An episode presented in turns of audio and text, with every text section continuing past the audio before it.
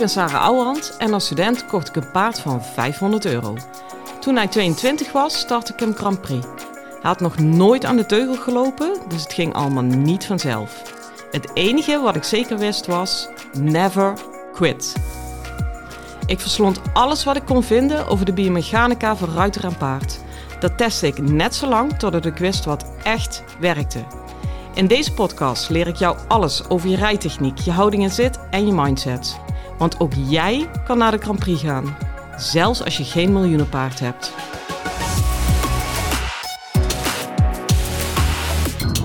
Hey lieve paardenmensen, ik ben op de terugweg van mijn eerste clinic naar mijn ellenlange zomervakantie.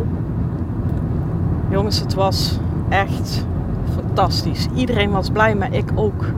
En um, dan merk je weer, ja, dat is echt een cliché van de eerste orde. En iedere keer denk je, oh ja, oh ja, oh ja, hoe extreem waardevol het is om ruimte te creëren in je hoofd, in mijn hoofd. In die zes weken is er bij mij heel veel gebeurd. Uh, met name op paardengebied. Ik kan daar nog niet te veel over uitweiden. Helaas, helaas. Ik moet echt even mijn tong eraf bijten nu. Maar er zijn veel goede dingen gebeurd. Op de achtergrond. Um, waardoor ik extreem stevig in mijn eigen lesgeven stond. En uh, dat gecombineerd met de ruimte in mijn hoofd die er gekomen is, zowel door de uh, zes weken vakantie als door de processen die zich daarin hebben plaatsgevonden. Lekker mysterieus klinkt dit, hè? Dus eigenlijk moet ik dit gewoon erin houden en minder open zijn. Maar um, waardoor ik hem exact kon nelen. Met name die matles. Ik heb het in de vorige podcast uh, benoemd dat het zou gaan over rechtrichten. En dan kan echt de valkuil zijn in het rechtrichten dat je heel veel gaat doen. Ik heb een heel scheef paard. Uh, die heeft namelijk 2 centimeter verschil in zijn voeten. Nou, tel uit waar dat allemaal in doorwerkt. Dus ik voel altijd in meer of mindere mate een vorm van scheefheid. En ik ben, dat durf ik wel over mezelf te zeggen, heel erg goed in het recht, rechtrichten. Maar dat heeft ook een valkuil dat ik dus continu bezig ben met het rechtrichten. En aan de ene kant moet je dat ook zijn. En aan de andere kant moet je dingen ook laten gebeuren. Uh, en dat klinkt paradoxaal, want ik bedoel niet, oh laat je paard maar lekker scheef trekken. Maar als je het continu loopt te regelen, dan ontstaat dus niet die harmonie, die deining, die lossigheid, die uiteindelijk alleen maar kan gebeuren als je ook op een moment durft te zeggen: Ik doe eens even niks. Ik heb nou een aantal dingen gedaan en uh, nou stop ik daar even mee en ga kijken wat daaruit ontstaat. En dat is eigenlijk mijn punt. Uh, het kan alleen maar ontstaan als je jezelf even terugtrekt. De andere kant is ook waar. Als je niks doet, gebeurt er ook niks. Ontstaat er ook niks.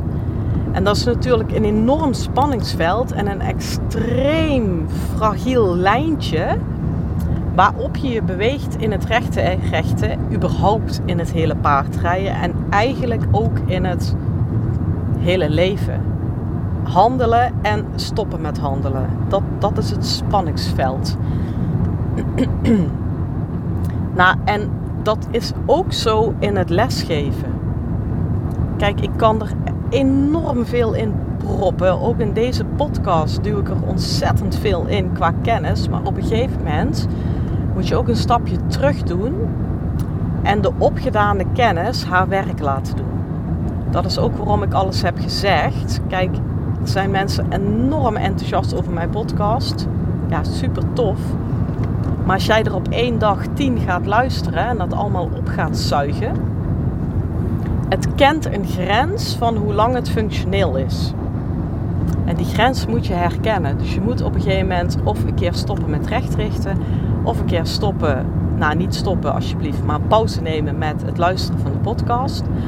Eh, maar ook een keer als instructrice gewoon zwijgen. Laat het gebeuren. En in de matles heb ik die totaal geneeld. Dat is echt zo kick-ass als dat lukt. Um, want ik heb er precies genoeg ingeduwd. En ik heb precies op het juiste moment mezelf teruggetrokken, waardoor het lichaamsgevoel bij de ruiters kon ontstaan. En dat kan niet als ik blijf lullen. En dat kan ook niet als ik oefeningen blijf geven. En de uitdaging voor mij zit daarin dat ik als instructrice ook een keer de stilte kan laten ontstaan. En daar ben ik al behoorlijk goed in, maar dat blijft een uitdaging omdat ik ook heel erg trouw ben en plichtsgevoelig ben. En daar zit eigenlijk de hele simpele gedachte achter. Ja, luister, ik ben niet goedkoop. Dat vind ik op zich wel terecht dat ik niet goedkoop ben. Maar daar zit een gedachte achter, dus moet ik leveren. Maar als ik alleen maar loop te leveren, dan komt er op een gegeven moment een opstopping. En uh, ja, dat is vandaag niet gebeurd. En we begonnen de matles met van tevoren dat je gewoon op je voeten staat en voelt hoe je lichaam nu is op dat moment, zonder wijzigingen, pure waarneming. En ik sluit de matles ook zo af dat ik je in dezelfde positie neerzet en dat je dan ook weer je lichaam in kaart brengt van hé, hey, hoe sta ik nu? En uh, ja, dat verschil was bij iedereen mega groot. Terwijl ik effectief, nou, ik denk maar drie hele kleine oefeningen heb gedaan. Dat had ik zeker in het begin toen ik begon met dit werk nooit gedurfd. Omdat ik dacht, ze betalen, leveren, leveren, leveren. Um, ja, weet je, ik word daar zo alle Jezus gelukkig van. Als, als, als dat goed, perfect samenkomt. En dat is gelukt. En daarna in de rijlessen heb ik daar nog eens een keer een schep bovenop gedaan. Want ook daarin is eigenlijk de opdracht van vandaag geweest. Ja, durf ook een keer niks te doen zonder dat je passief bent. Zo zeg ik het eigenlijk goed. En mijn eigen trainer Frank Jespers, die is totaal anders dan hoe ik ben. Ehm, ja, hoe moet ik dat zeggen? Nou, die zit helemaal niet in gedachten van loslaten of um, ja, misschien wel een spirituele inslag. Of die is eigenlijk heel erg de oude scholing van Deurne. Dus in die zin uh, ja, is het ouderwets, maar dat heeft een negatieve bijsmaak en dat bedoel ik nou weer juist niet. Maar zelfs die zegt, en die, die heeft daar een hele mooie uitdrukking voor, het gaat om een stille concentratie. Die moet je kunnen hebben. En als je die hebt, een stille concentratie, dus je bent 100% wakker, maar daarin doe je bijna niks, ja, dan kan je hem ook met één handeling gewoon nelen. En als je die stille concentratie niet hebt, dus eigenlijk de kunst van het niks doen niet verstaat, dan moet je dat gaan compenseren met heel veel handelingen. Dan ben je gewoon eigenlijk het andere uiterste, continu het rommelen. Ja, dat is uh, denk ik niet wat paardrijden is.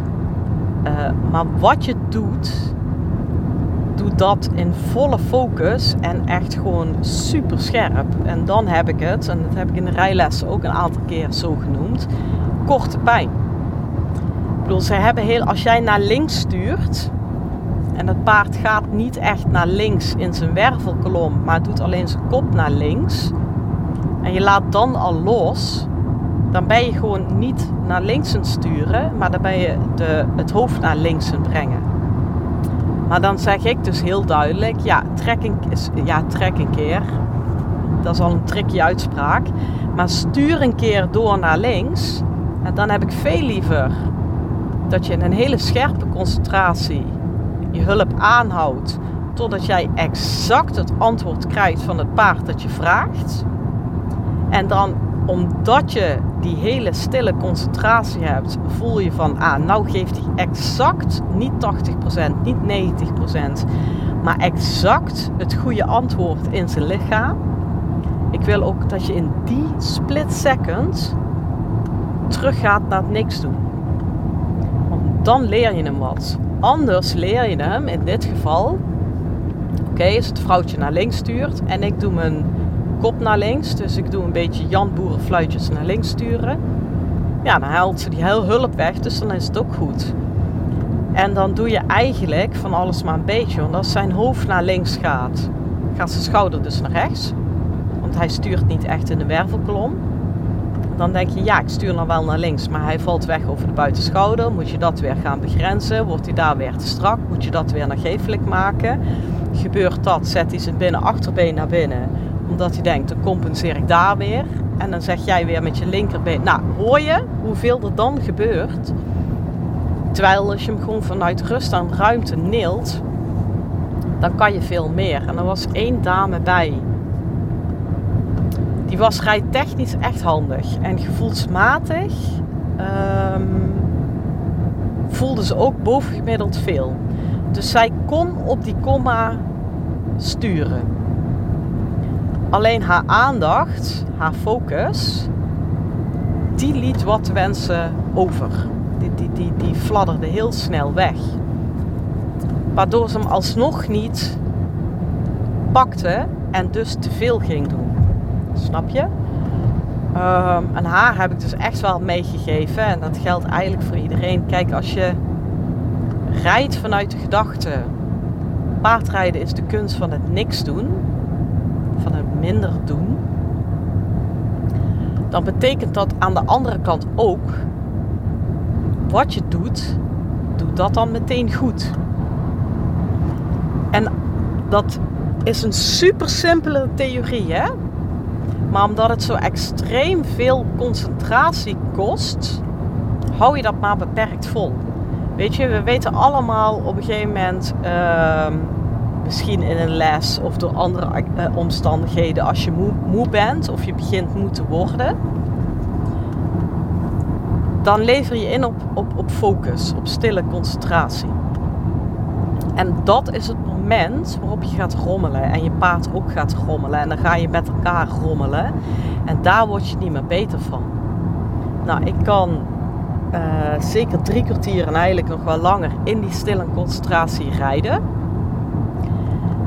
Maar dat is ook een conditie die je op moet bouwen. Dat, natuurlijk, als jij naar opstapt, kan je dat niet meteen. Maar ben daar eens even heel kritisch in voor jezelf. In hoeverre ben ik er echt helemaal bij? Kan ik echt helemaal naar binnen trekken? En dus niet met mijn omgeving zijn. En misschien, afhankelijk van je paard, van je omstandigheden, van de persoon die je bent, met name dat uh, lukt jou dat maar 10 minuten. Maar dat geeft niet. Dat kun je namelijk 11 minuten maken, dat kun je 12 minuten maken en so on. Dat heb ik ook moeten leren. Ik heb alleen het geluk, en het gros van de luisteraars is dit ook, dat ik introvert ben. En introvert bedoel ik niet mee niet open, want daar heb ik flink veel stappen in genomen. Want ik ben al gecorrigeerd door een goede vriend van me die dit altijd luistert. Die mij appte, kap nou een keer met jezelf als introvert neer te zetten. Ik snap zijn punt. Maar wat ik ermee bedoel, is dat als er informatie op mij afkomt, of wat voor prikkels van buitenaf dan ook, dat altijd mijn eerste reactie is dat ik naar binnen keer. Uh, om hem intern te vergelijken, uh, te verwerken. Je hebt ook mensen dat als er iets op hen afkomt, die keren meteen naar buiten en die gaan meteen naar buiten toe reactief zitten wezen. Dat heb ik gewoon niet. Dat is uh, op veel momenten een groot nadeel voor mezelf geweest. Want wat je dan hebt als er een keer iemand een grote bek tegen je heeft, dat je nooit eens een keer naar buiten toe er meteen bovenop klapt. En dat is wel nodig af en toe. Maar in mijn paardrijden is dat mijn voordeel, want ik ben van nature al iemand die zich gewoon naar binnen keert. Nou, prima. Heb je dat minder of kan je dat minder lang, dan kun je dat trainen.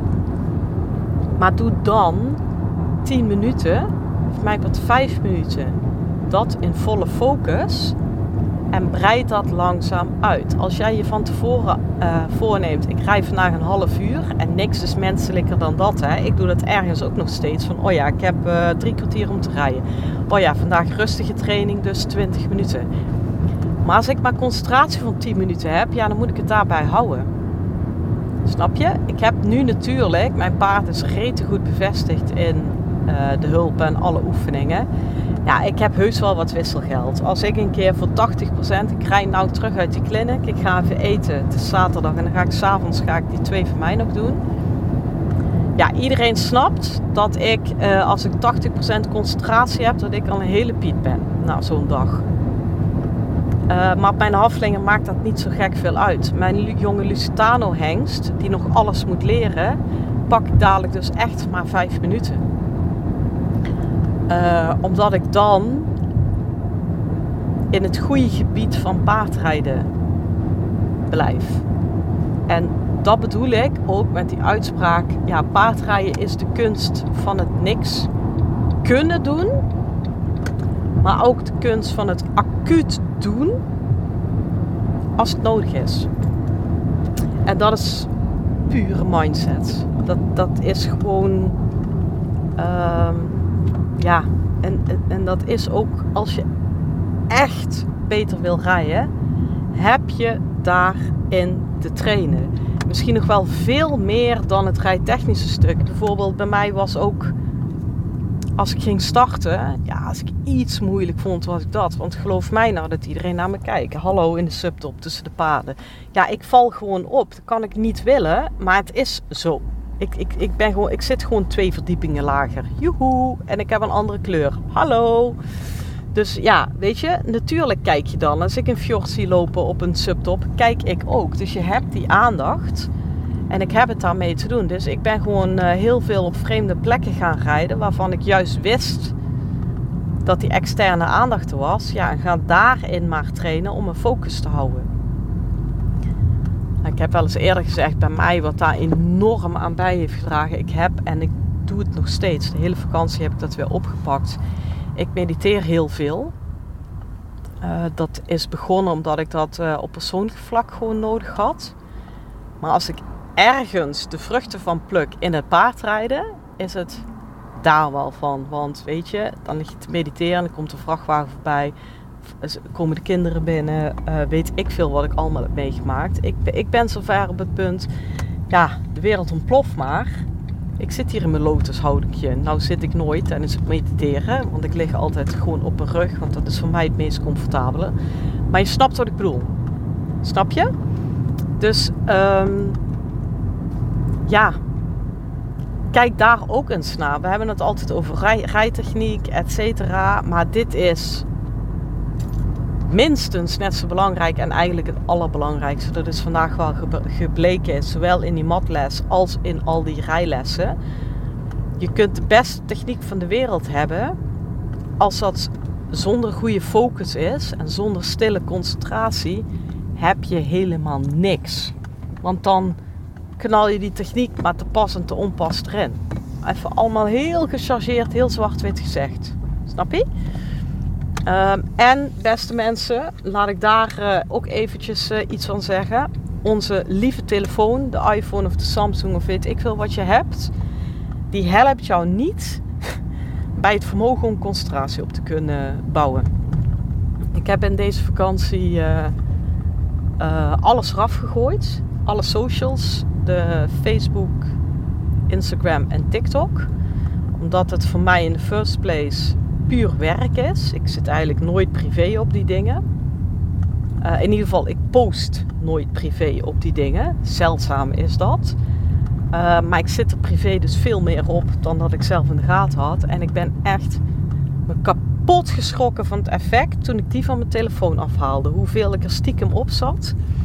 En zit je wat dom weg te scrollen en je denkt dat die filmpjes je allemaal niet boeien. Maar het doet ontzettend veel. Het zijn allemaal korte flitsen.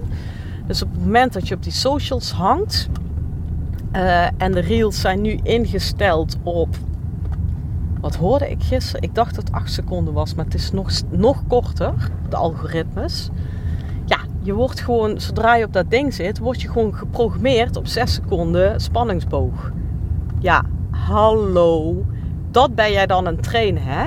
En don't get me wrong, want ik haat van die moralisten. Als jij lekker op je telefoon wil hangen, ik doe het ook nog steeds. Doe het lekker, kan jou het bommen. Um, maar zorg dat dan een bewuste keuze is, want je bent je hersens op een manier aan trainen die je niet bepaald kan gebruiken voor je paardrijden. Nou, dit is echt eigenlijk de kern van wat ik vandaag weer heb mogen zien. Ehm, hoe belachelijk veel daaruit kan ontstaan als je minder doet. Dus ik dacht, ik tip hem nog even aan. Okido. Jongens, ik rij bij mij de straat in. Uh, ik hoop dat mijn man heeft gekookt. Ik denk het eigenlijk wel. Dus dat is natuurlijk super chic de friemel. Want dan kan ik even tot rust komen en dan kan ik uh, sipje en sopje van mijzelf uh, nog even gaan doen. En als jij jouw eigen sipje of sopje nog moet gaan doen, wens ik jou daar heel veel plezier mee. Alle goeds en geef me een knuffel van me. Hoi hoi!